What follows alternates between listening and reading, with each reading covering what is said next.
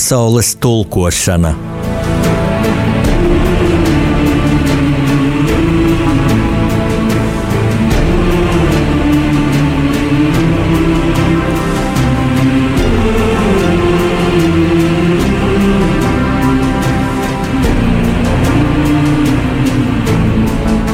Studijā rakstnieks Jānis Udris.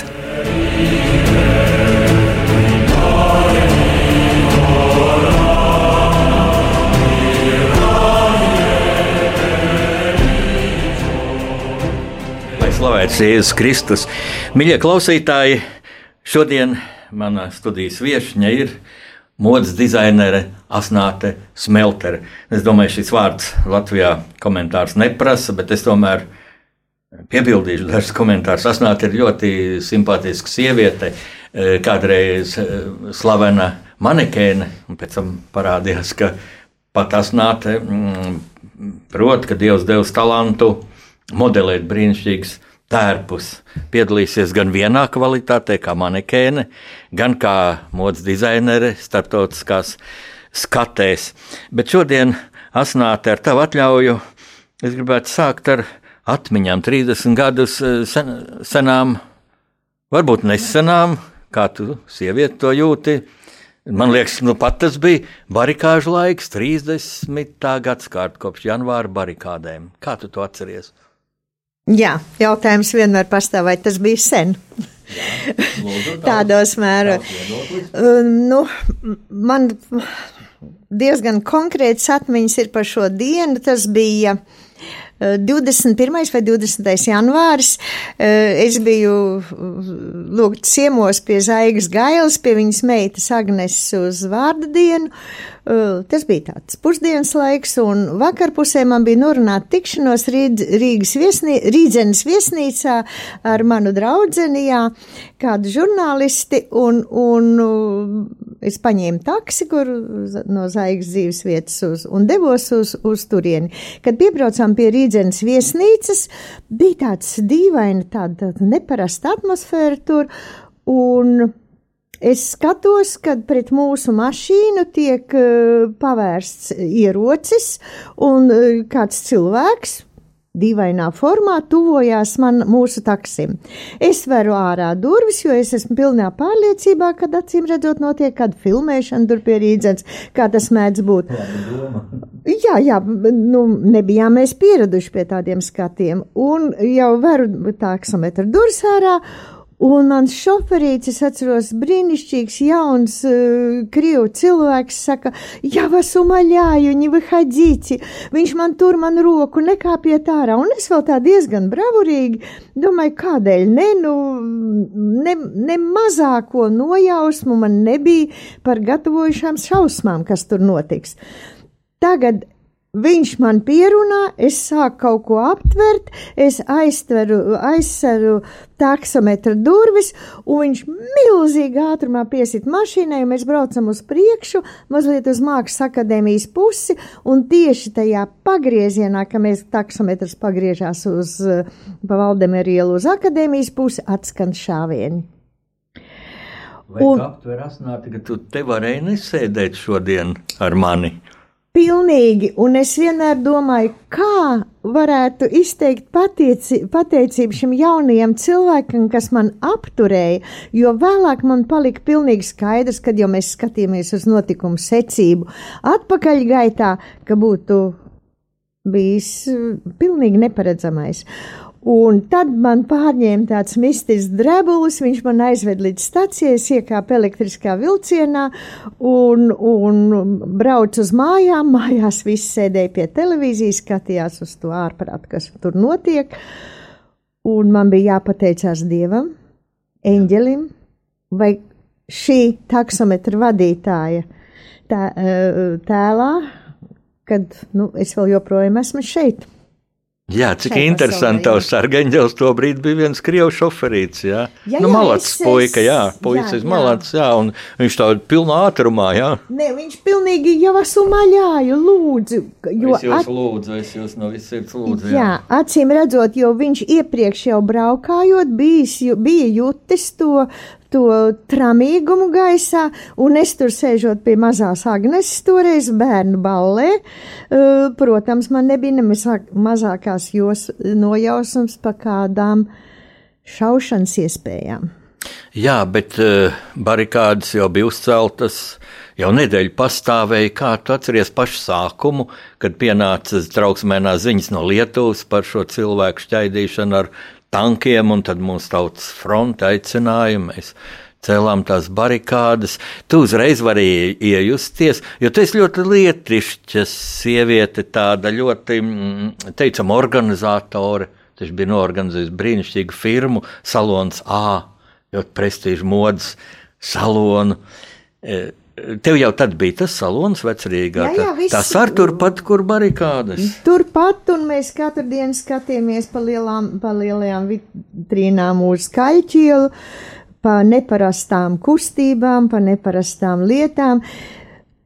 Bija, bija tramīgums milzīgs kopā ar kādu izmisumu, izmisīgu tādu smeldzi, bet bija arī tāda ticība, ka tas ceļš ved uz kaut ko labu.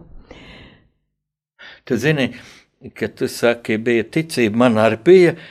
Un pavisam tāds it kā tāds margināls notikums man iedeva tādu nu, mieru sajūtu, kad, es, kad šīs barikādas bija uzceltas. Ja, nākamajā rītā es eju uz vecrīgu, jo man bija akreditācija mūsu parlamentā augstākajā padomē, kā žurnālistam. Es katru dienu gāju tur un uh, Un, oh, man tā kā nu, nelaiž uzreiz, man jāparāda šī akreditācijas karte, ka man tiešām tur jāiet. Tā kā nu, ļoti tāda modrība bija, un tas bija ļoti labi. Viss.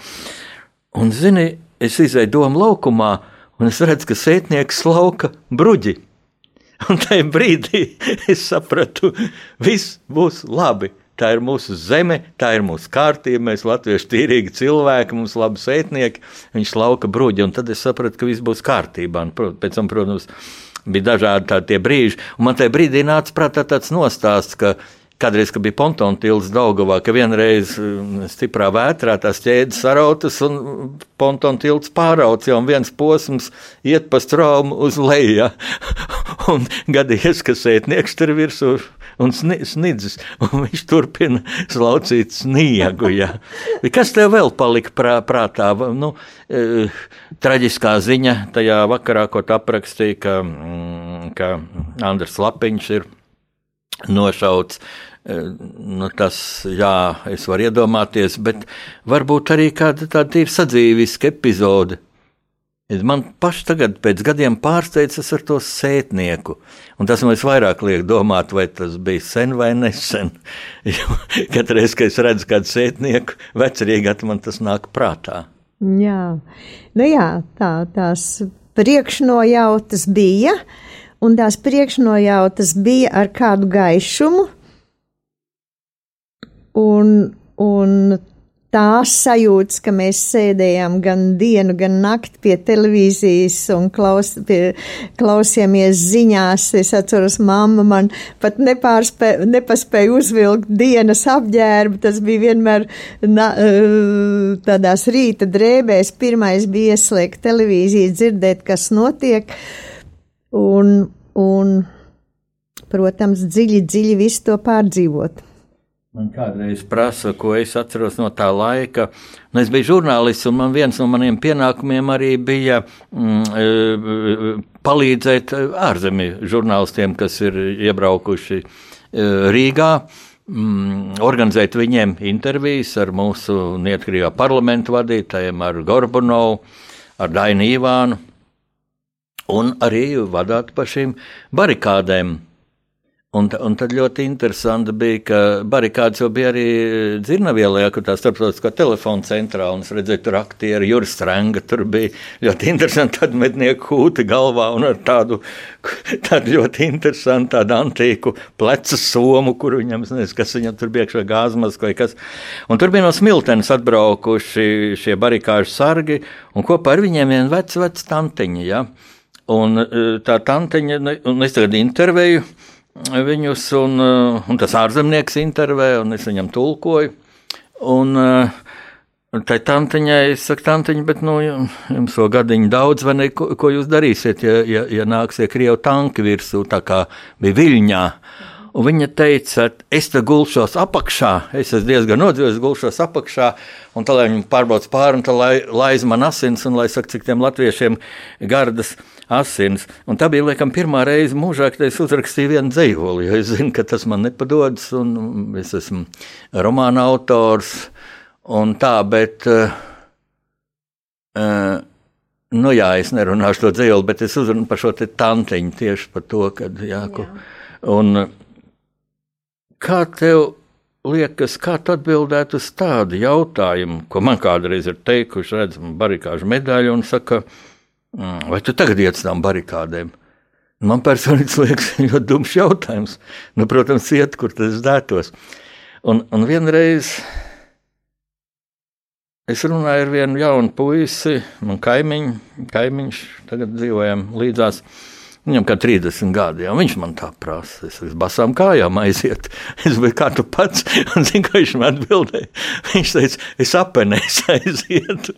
Es teicu, apenēs gan nevajag, toreiz bija ziema, tu nosauc. Ja. Nu jā, tā. Kā tev liekas, ko tu atbildētu? Nu, man liekas, ka apstākļi jau rada šo nepieciešamību, un šodien, kad cilvēki dzīvo uh, ir pieraduši tik daudz dzīv, gadus dzīvot tādā mierā un komfortā, eh, viņi pat nevar iedomāties, kā viņi varētu rīkoties. Jo es domāju, ka tieši nepieciešamība, apstākļi rada šādu rīcību. Tas jaunais cilvēks varbūt mm, nevar tik daudz iztēloties to savu rīcību, bet es domāju, ka viņš noteikti dotos. Es domāju, jā, jā, jā. jā. Bet es tagad tā domāju, lūk, tev bija šis salons A. Tu vairs jau nedarbojies kā manekēna, bet jau kā, kā modeli. Šodien, ja mēs runājam, kā modeli, atvaino, jā. Jā, šodien saka tā. Bet, eh, bet, un tev jau bija vārds un prestižs, un tev bija ļoti zolīta klientūra. Ja pie tevis, cik es zinu, jā, nu, tas bija dāmām, jā, bet, cik es tā dzirdēju, nemaz tā nevarēja tikt. Tur bija jāgaida vai rindā, vai, vai vai nu, jā, nu, kas personīgi tevi pazina, vai arī droši vien, nu, kas ir slavenības, vai operas mākslinieks, vai kas uz ārzemēm brauc uzstāties. Vai, nu, es nezinu, kādi tie kriteriji droši vien ļoti dažādi bija, tas ir loģiski. Ja? Bet tagad barikāžu laiks, cilvēki nu, tādā īpašā spriedzes situācijā Varbūt kaut kur var salīdzināt ar šo uh, koronavīrusu laiku. Nu, kaut kas neparasts. Jā. Vakar vēl nebija tā, šodien kaut kas ir savādāk. Uh, barikāds, tepat ādažos pilns ar okupantu tankiem. Kā tev šis salons strādāja, vai tāpat nāca dāmas pasūtīt tērpus, un tu viņām tāpat modelēji, un rādīji, un ieteici un konsultēji, vai tā tas bija? Vai? Man vairāk atmiņas ir taisni par šī salona administratīvo pusi. Tajā mirklī netik daudz ar pašu darbu un netik daudz ar pašām klientēm.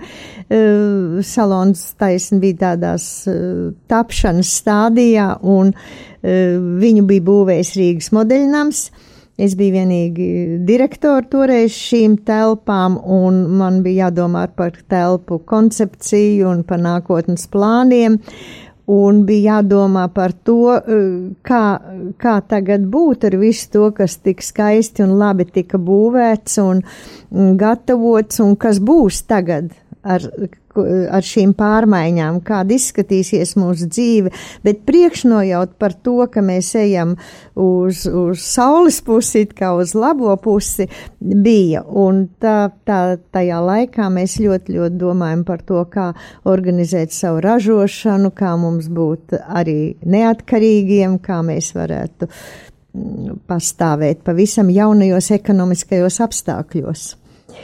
Eh, un, un tā, tās dāmas, un, vai kā jūs sakat, mūsu vārds vai man vārds varbūt eh, bija daudz nozīmīgāki vārdi bija šīm eh, mūsu klientēm, jo viņas bija tās, kas devās pasaulē rādīt savu mākslu, savu mm, savu kvalifikāciju un talantu. Un... Bet tu taču to pat esi darījusi kā, kā šī, kā bija jāsaka, modele. Jā, jā, man tas ceļš jau bija. Man tas Kanādā padomi laikā, un tā bija sensācija. Jā. mēs bijām padomu No laikā. padomju Savienības latvietis brauc, latvietis skaistākās, jā. elegantākās. Jā. Kā mēs lepojāmies ar jums. Jā, mēs, mēs braucām ļoti daudz padomu laikos. Mēs braucām divreiz gadā vai minimums vienreiz gadā uz kādām ārzemēm, jo padomju savienībā mode bija kultūras daļa. Un padomju savienības tā visā tajā reģionā Latvija un Baltijas valstis bija tādas ar kādu tādu rietumniecisku mm, stilu vairāk mēs strādājam, un tādēļ arī mm, Maskava vienmēr izvēlējās Latvijas modi. Nevienmēr vairums izvēlējās Latvijas modi kā savu, kā savu, Brendu. jā, kā savu brendu, jā. Nu tā.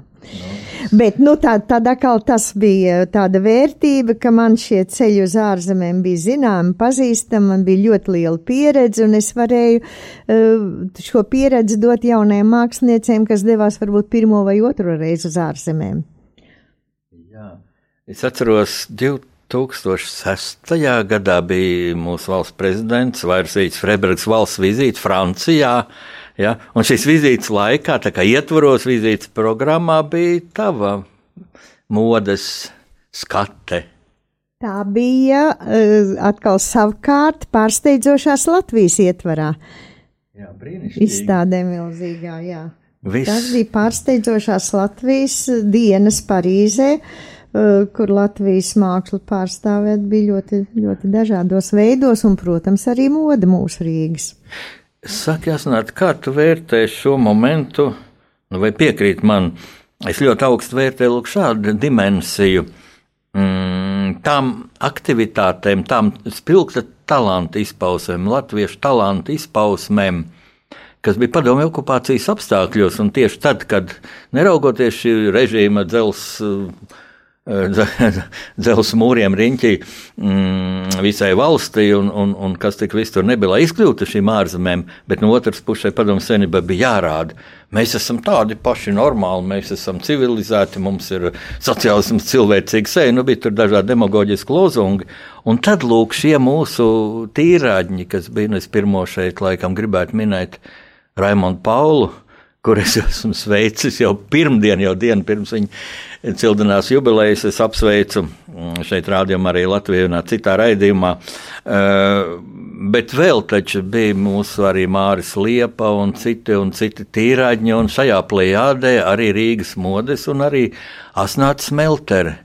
Uh, es tam piešķiru ļoti lielu nozīmi, jo vairāk tāpēc, ka jaunā paudze tagad, nu tā, To nezinu, vienkārši nepieredzēju, bet mēs taču bijām lepni. Mūsu sportisti, kas pārved medaļas, kaut, kaut arī zem PSRS karoga tās bija iegūtas, bet šie sportisti, tādi kā Ines Jaunzeme, kur tagad ir viņā saulē, kā Jānis Lūsis, es ar viņiem eh, esmu runājis brīvā Latvijā.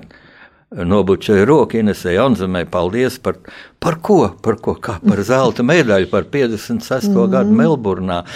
Vai tu arī braucot, lūk, ar šīm modēm un, un tavs kolēģis, jaunās skaistās meitenes, jūs to tā jūtāt? Mums jāparāda, ka mēs esam latvieši. Rietumos bieži teica krievi. Nu, man, man liekas, ka tā ir ļoti stipra, stipra cilvēka tāda izjūta, patriotisms un lepnums par savu zemi, un, vai lepnums par saviem cilvēkiem. Un, kā mēs zinām, Latvijā ne mums ir izrakteņi dārgi, ne nafta mums nāk, nenāk ārā no zemes pa brīvu. Bet mēs esam bagāti ar saviem talantiem, ar saviem cilvēkiem, kā vienmēr tas arī vēsturē bijis. Un, un līdz šai dienai, un man liekas, arvien vairāk mēs redzam tos savus talantus, teiksim, tādā pasaules kartē. Uh, mūzikā, mākslā. Ta, tas ir mūsu lepnums. Un, un, un kā gribu vienmēr atcerēties Ziedoni, kā Imants Ziedonis teica, ka uh, Ah, nu, neatcerēšos tieši precīzi, bet tajā zemē, kur stārķi līgsto, tur dzims daudz talantu. Jā. Tā bija. Jā. Un tas ir, tas ir tā, un man liekas, ar mākslu ir tā, ka neskatoties ne uz kādām ieru, e, politikām, ne uz kādām robežām, māksla viņa ir bez robežām, viņa iet, iet cauri e, visiem šķēršļiem un Jā. sameklē šo talantīgo cilvēku un uzrunā viņu. Un es esmu dziļi pārliecināts, ka lūk, okupācijas laikā ka galvenais apdraudējums jau bija mūsu tautas pastāvēšanai, šī masveidīgā rusifikācija, šī viestrādnieku iepludināšana, mm, kas degradēja visu, visu sadzīvi, preces veikals un tā tālāk. Ka tieši šie spilgtie tīraņi no mūsu tautas palīdzēja mums nevien izdzīvot, bet būt ar taisnu mugurkaulu šajā barikāžu laikā. Tā, tu. Jā, kā vienmēr, gaišais gars, cilvēka gaišais gars vai talants vienmēr mūs paver kaut kādas perspektīvas uz augšu. Asnāti, tagad tā kā būtu laiks muzikālai pauzei. Man raidījumam ir arī nu, divas muzikālās pauzes. Nu, man šķiet, šodien mums vajag izraudzīties Raimondu Paulu. Un kuru tu no Raimonda Paula dziesmām tā gribētu dzirdēt? Nu, varbūt šodien piestāvēt uh, kaut kas it kā pārslas krīt lēni un smagi brīnišķīgi mūsu brīnišķīga dziesma. Jā, tad lūksim Jolantai šo dziesmu. Mm.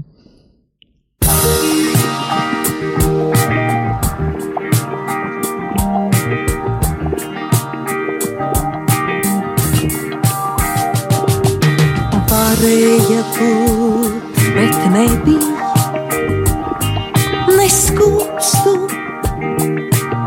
ne mēnesnīca, mēnesnīca. Tomēr dvēselē slēpu mani, tu nesi līdzi. Izrādās tevi es, tu amār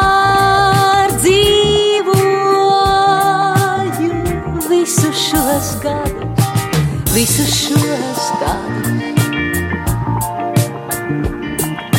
Līdzās visapslētākām domām visus šos garos gadus.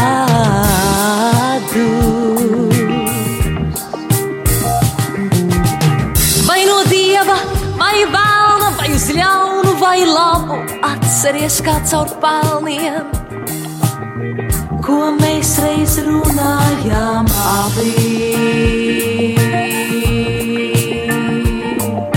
Šodien zem sniega debes, tu man atkal to saki. Varēja būt, bet nebija. Pārslas krīt lēni un smagi. Pārslas krīt lēni un smagi.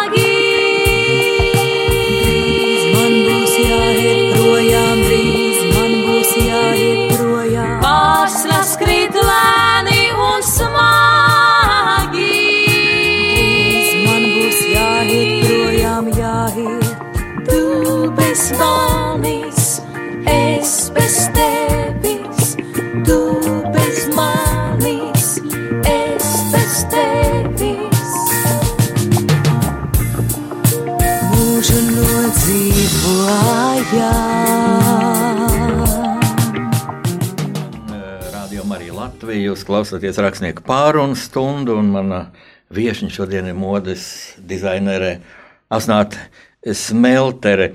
Mm, Asnāta, nu gads ir tikko sācies, jā, šodien aprit pusmēnesis, pirmais pusmēnesis, bet jau paskaties, cik ātri skrien laiks. Bet vēl joprojām, es domāju, vietā būtu atskatīties uz pagājušo gadu. Nu, tas bija neparasts gads. Nu, kāds tev tas bija? Jo kopumā jau nu, ne tikai mums Latvijai, bet nu, visai pasaulē nāca kaut kas tāds, kas vēl nu, nebija pieredzēts. Mūsu paudzē vismaz. Jā.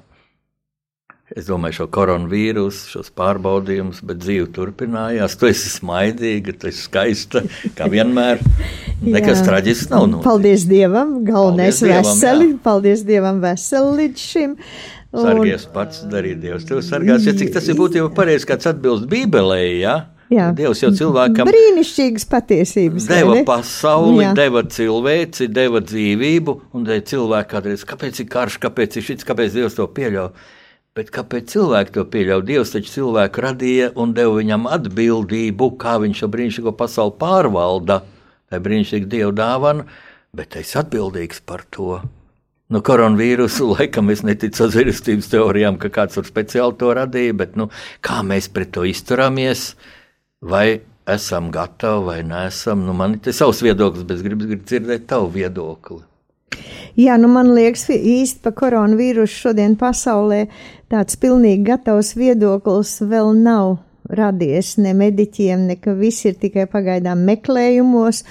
Un, un ja atgriežamies pie tā fakta, ka viss ir jāsāk tikai no sevis, tad šajā mirklī man liekas, ka mums varbūt mazāk vajag mm, pulgot valdību vai pārmest valdībai kaut ko. Visiem, visiem mēdz būt kļūdas arī valdībai. Uh, ar kurām mēs esam sastapušies, bet man liekas, ka vislielākās kļūdas tieši sastie, sastopu pašā cilvēkā, kas netic, netic šim brīdinājumam, ka vīrus var būt ārkārtīgi nežēlīgs un, un tā cilvēku pļaušana var būt neizmērojama. Un, nu, jāsargā sevi, cik nu var. Un iedziļināties tur pa sazvērestības teorijām, man liekas, mēs netiekam tik tūl klātiem faktiem, lai kaut ko nu dikti jau nu spriestu paši. Bet viss, kas jau var gadīties, viss, kas var gadīties. Var gadīties, ka vīrus izsprūk netīšām no kādām laboratorijām un tiek kaut kādos tirgos un pasaulē var gadīties, ka viņš ierodas pie mums no, no jūras zelmēm, no kosmosa, no, no izcirstiem mežiem, no, no uh, saniknotiem zvēriem, no kā gan viņš nevarētu saniknoties uz cilvēku, varbūt vīrusam ir iemesls.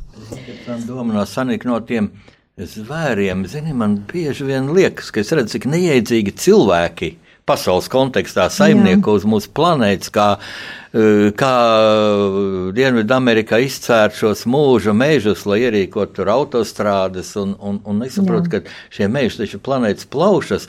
Un, mm un, un zvēriem šo areālu sa samazinot, ja kā izmirst ziloņi un citi cit unikāli dzīvnieki. Jā, man nebija nācis prātā, ka zvēri tā saniknojušies, ka viņi Nē, nu tā, tā. uzsūta cilvēkiem, bet nevis, nevis lai iznīcinātu cilvēku, ne jau nu mēs iznīksim nekā, ja neiznīc, ne, neiznīk cilvēks no, no mēra epidēmijas mm. vai no mhm. spāņu gripas, kas bija pirms simts gadiem, kad tika dibināta Latvijas valsts. Bet, mm, bet tāds ļoti nopietns brīdinājums, ļoti nopietns, es domāju. Jā, vēl mēs nezinām, ar ko viņš beigsies. Mēs nezinām, viņš ir tikai tādā spēr savus pirmos soļus. Redzēsim, redzēsim, ticēsim, cerēsim, sevi sargāsim un arī domāsim. Un, un man liekas, šodien jau cilvēks ir sapratusi, ka ir jāsāk saudzēt uh, daba. Un vajag apstādinot to šausmīgo naudas kāri, kas cilvēkā iemājo.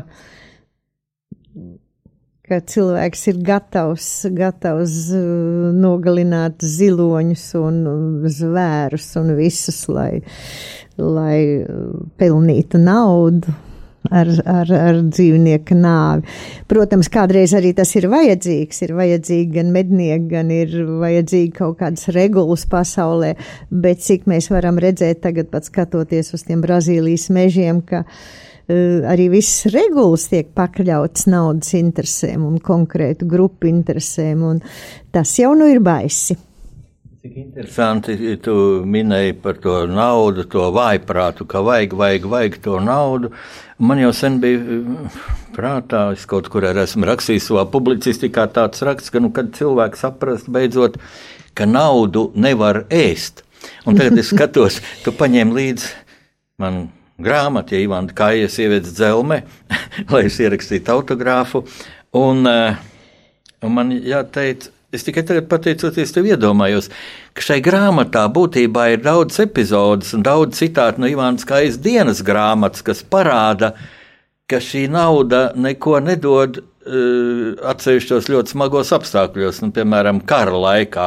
Uh, 1919. gada sākumā Pēters Stučkas režīma plosīšanās laikā, ja, ja mēs tagad žēlojamies, nu, ka veikalā kaut kādas zināmas preces nevar nopirkt, nu, pārtika var nopirkt, kaut nu, ir veikalā, tu ej, un, un man pašam tā bija, ka es eju, un, un tur tas apsargs saka, lūdzu, pagaidiet, tagad veikalā ir 20 cilvēki iekšā, kad iznāks viens ārā, te jūs ejiet. Un tas ir loģiski, nu, tā, tā veikala platība ir tādam cilvēku skaitam, un, un, un protams, mm -hmm. tas ir jāievēro. Es brīnos, kaut kur esot, kad pretojas un uzbrūk un kaut ko, un policistiem uzbrūk. Nu, nu, tas būtu nožēlojami. Es tāds neesmu sastaps. Manuprāt, mūsu cilvēki ir disciplinēti un, Un, un tā.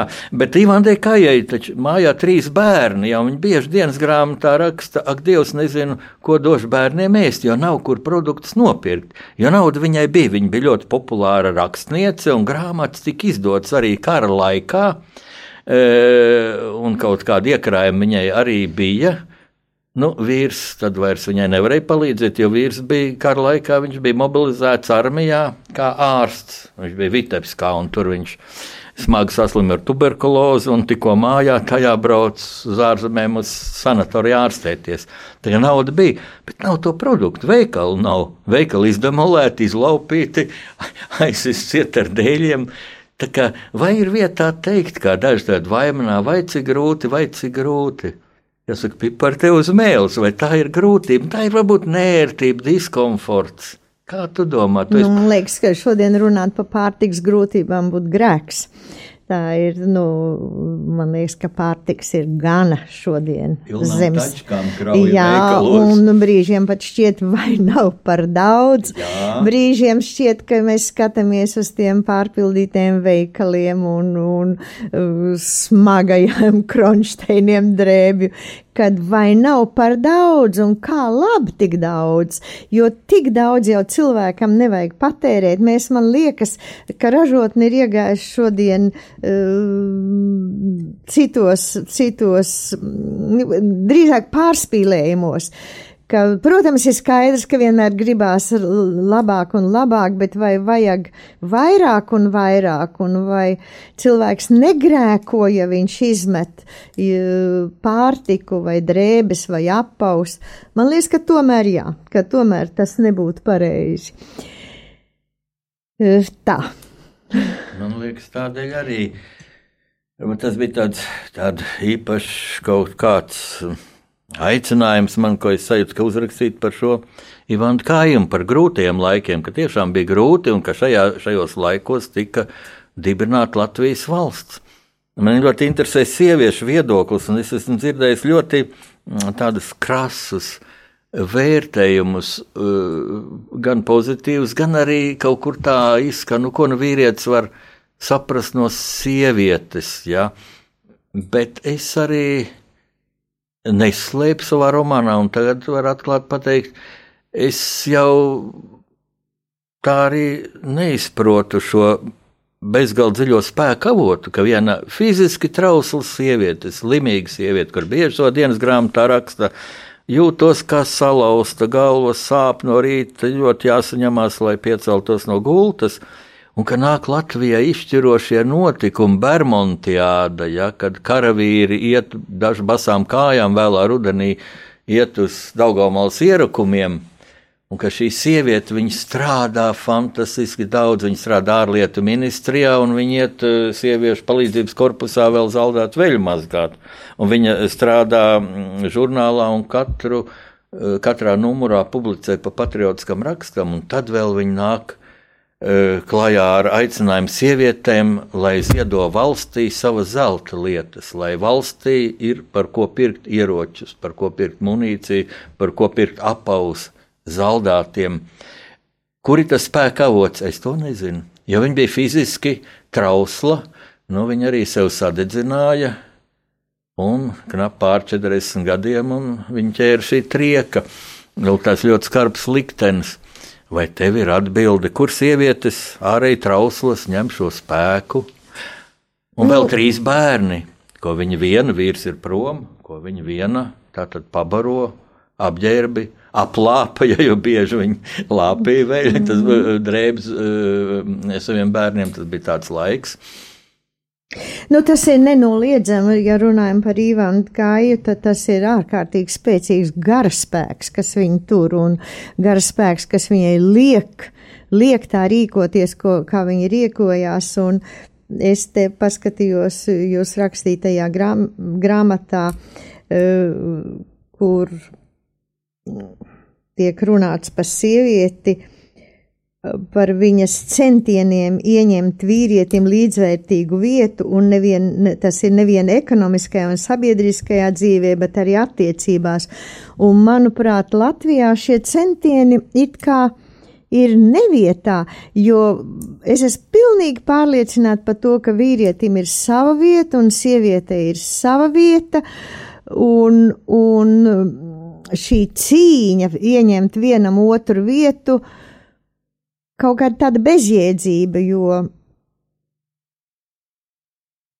mūslaikos, mūslaikos, protams, mēs visi šodien vērojam, ka sievietes it kā paliek garīgi daudz stiprākas un iespējams, ka vīrieši uh, vairs ne tik ļoti, jo atklī, atkrīt e, medības, atkrīt fiziskā spēka pielietojums, atkrīt zvejnieki, e, kur, kur, kuri nodarbojoties ārkārtīgi, e, ar ārkārtīgi smagu darbu ikdienā, savā veidā kā vīrišķību, kā, kā akumulēja sevī.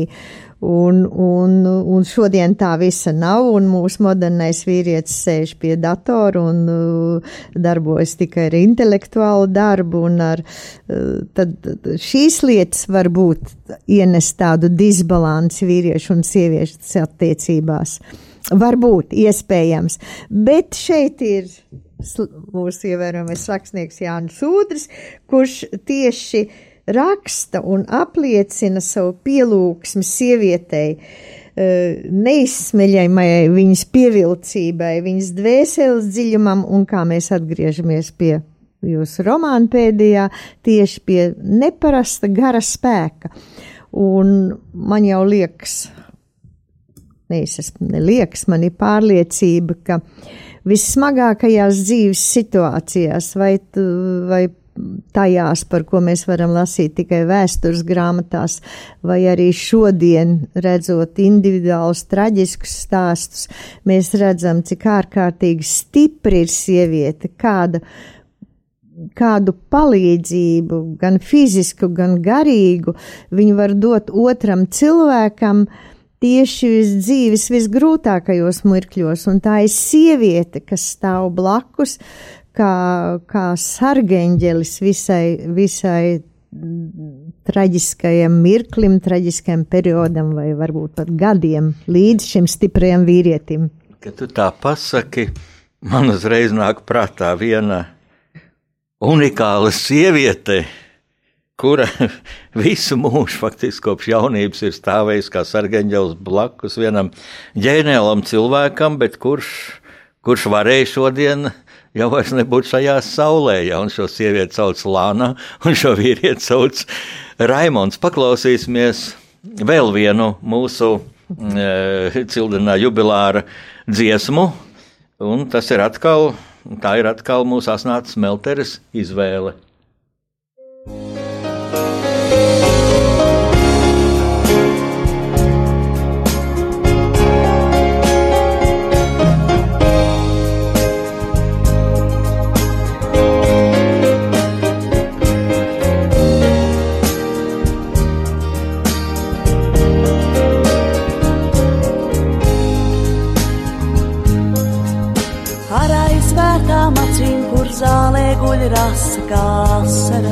Asaras tikko kā noraustas nost. Tur nezāle vienmēr augstipra un asa, jo tur, kur ir laime, var būt arī posts. Es stāvu pie rītausmas durvīm un gaidu, kad vērs viņas vaļā un aicinās iet. No kājām, tad rasa man noskalos naidu un vērš manas acis vairs lēnītēm ciet.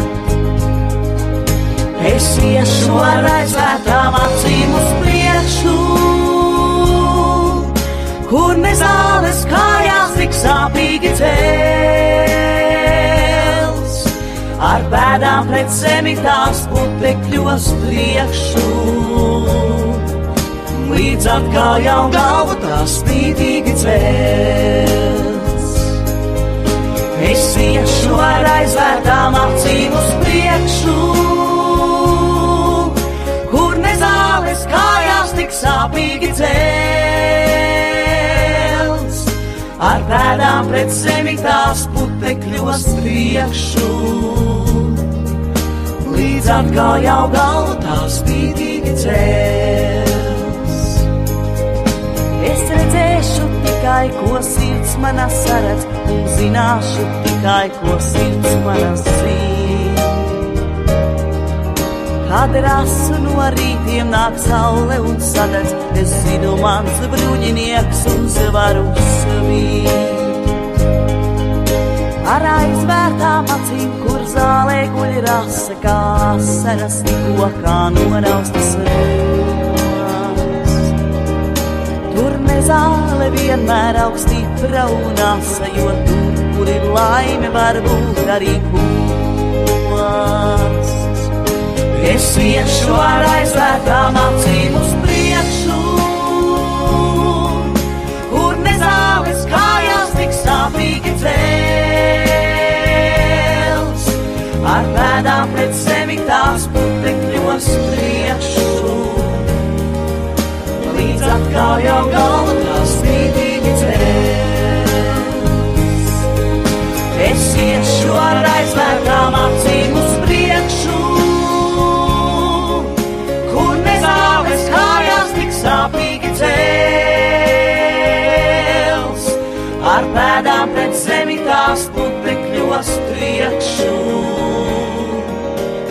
līdz atkal jau galva tā spītīgi cēls.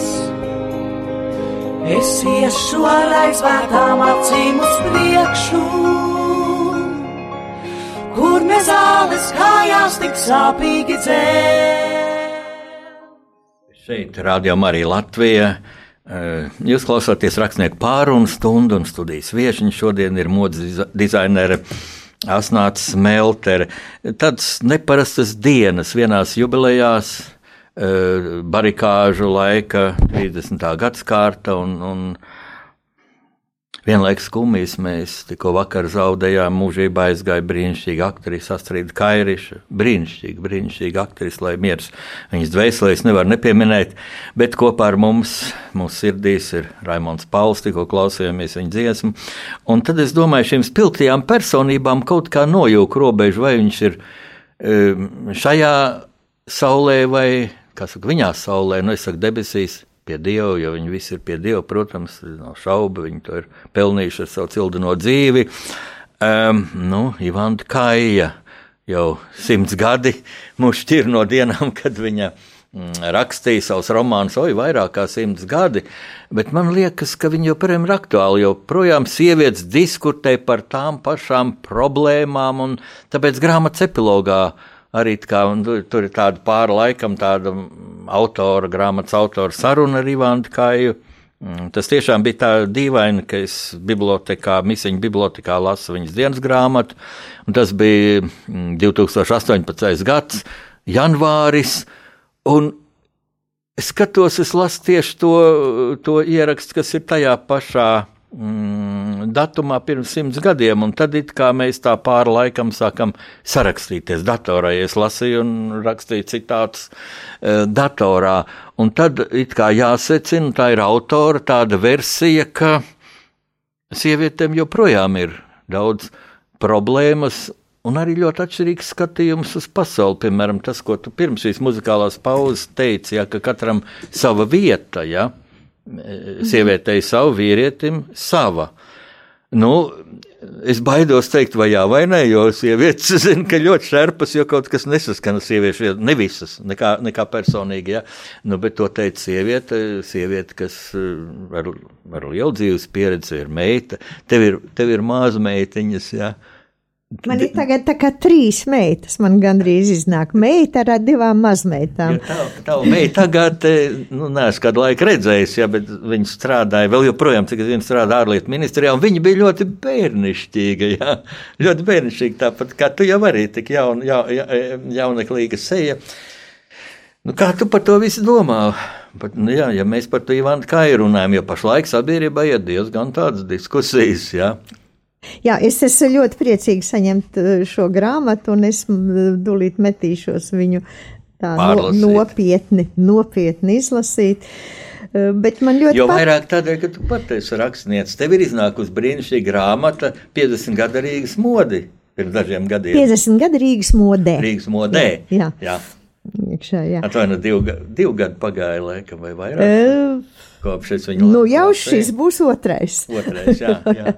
šis jau sāks otrais gads. Tu kā kolēģi, bet sieviete ar savu redzējumu. Jā. Man es, kā, par, kā bieži gadās, ka, ka tu saņem kādu grāmatu, apskaties viņai pirmo lapu, pēdējo lapu, kaut kādus pēdējos teikumus, un man te ļoti iepatikās eh, te konkrēti viņas teksts kam es it kā gribētu pievienoties no visas sirds, ka mums jāveido mūsu dzīves pēc iespējas skaistāk un laimīgi. Dzīve brīžiem ir traģēdija, brīžiem komēdija, bet aizvien viņa ir tā, ko mēs paši no viņas iztaisam. Maldīgi ir domāt, ka visa laime pastāv bagātībā vai ārējā spīdumā bagātība un laime ret, kad sakrīt kopā. Nu, te es varbūt domāju, ka varbūt arī var sakrist, jo kāpēc ne bagātība var sat, uh, sakrist ar laimi? Iespējams, ka var, kāpēc ne? Teiksim, Ies... radošam cilvēkam, kurš saņem liels honorārs, kurš ir pieprasīts. Jā, jā un mēs nevaram un, un noliegt naudas un, vērtību. Jā. Nu, nevaram noliegt. Naudai ir, ir, ir, ir ir sava. Sava vara. Sava vara Bet vai vara. Jā, lieto godīgi, nu, pirmkārt godīgi. Jā. Vara. Citādi nebūs svētība. Jā, vara un nauda ir, protams, iespējas. Nauda jā. ir mūsu iespējas, nauda ir brīvība. Bet, protams, tas nav viss. Tas nav viss, kas ir. Jo Te ir atkal saka uh, Ivan Kaja, ka bagātība nav tas, kas mums pieder, bet tas, kas mēs esam, kādi mēs esam, tā ir mūsu bagātība. Uh, tikai labi darbi ir tie, kas padara mūsu dzīvi par paradīzi, un tikai likumīga dzīve var nest patiesu laimi. Jā, Tā, uh, tas ir ļoti būtisks citāts. To, tā, tā bija gara runa patiesībā referāts, ko Ivana Kaja lasīja 1921. gada aprīlī.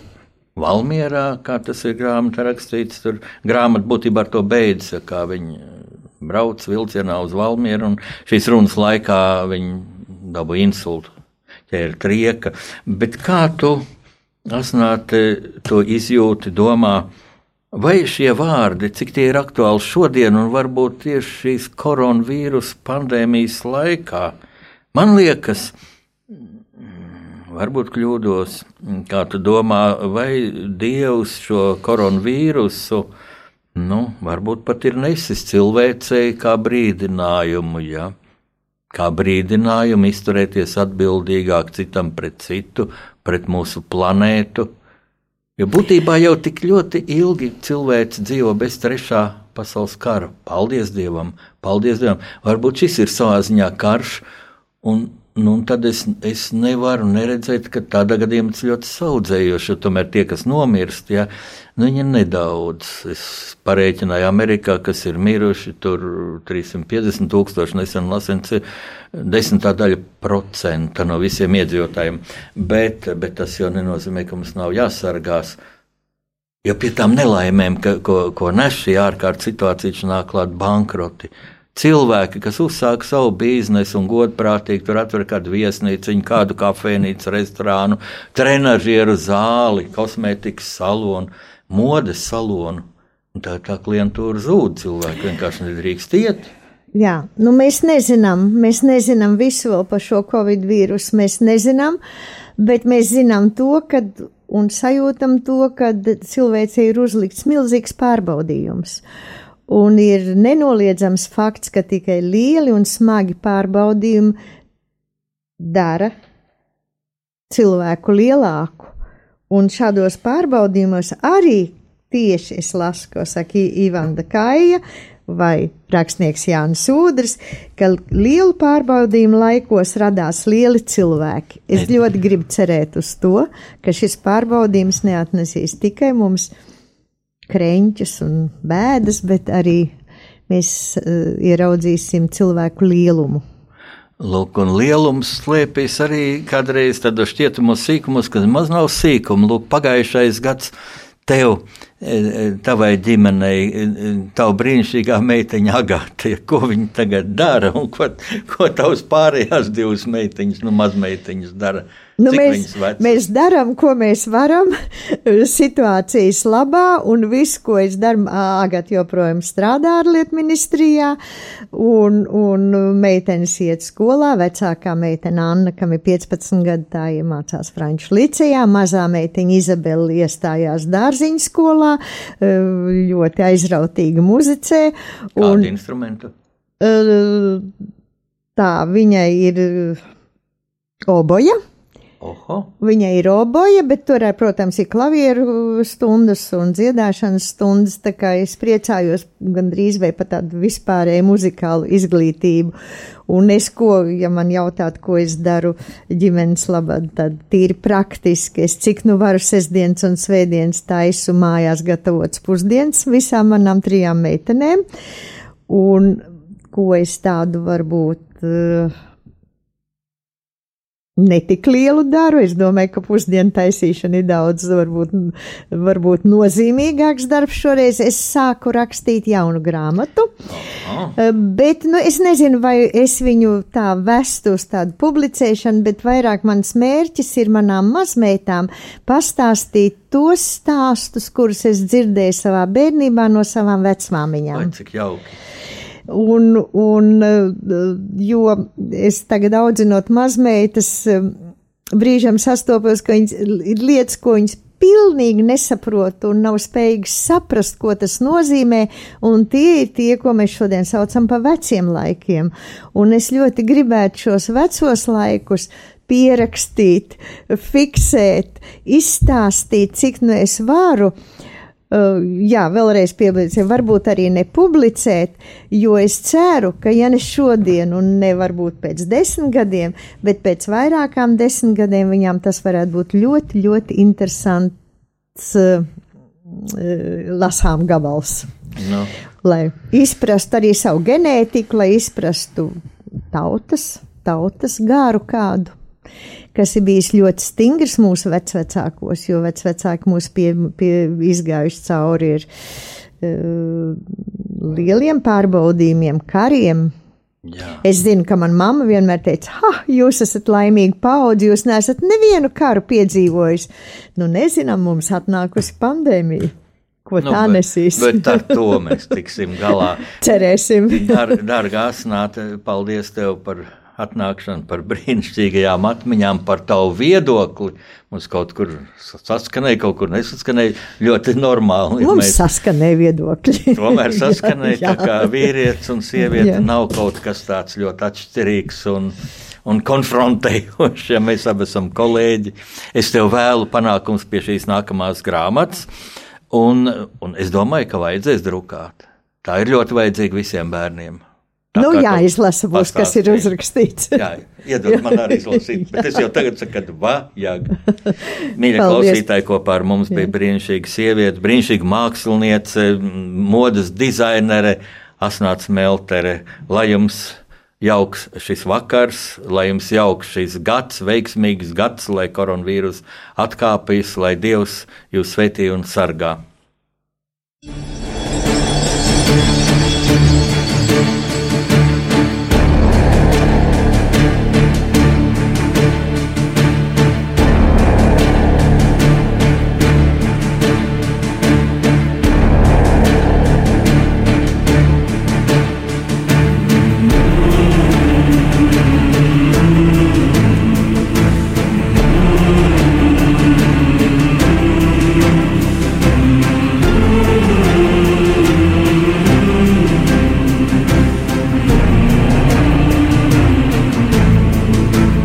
Pasaules tulkošana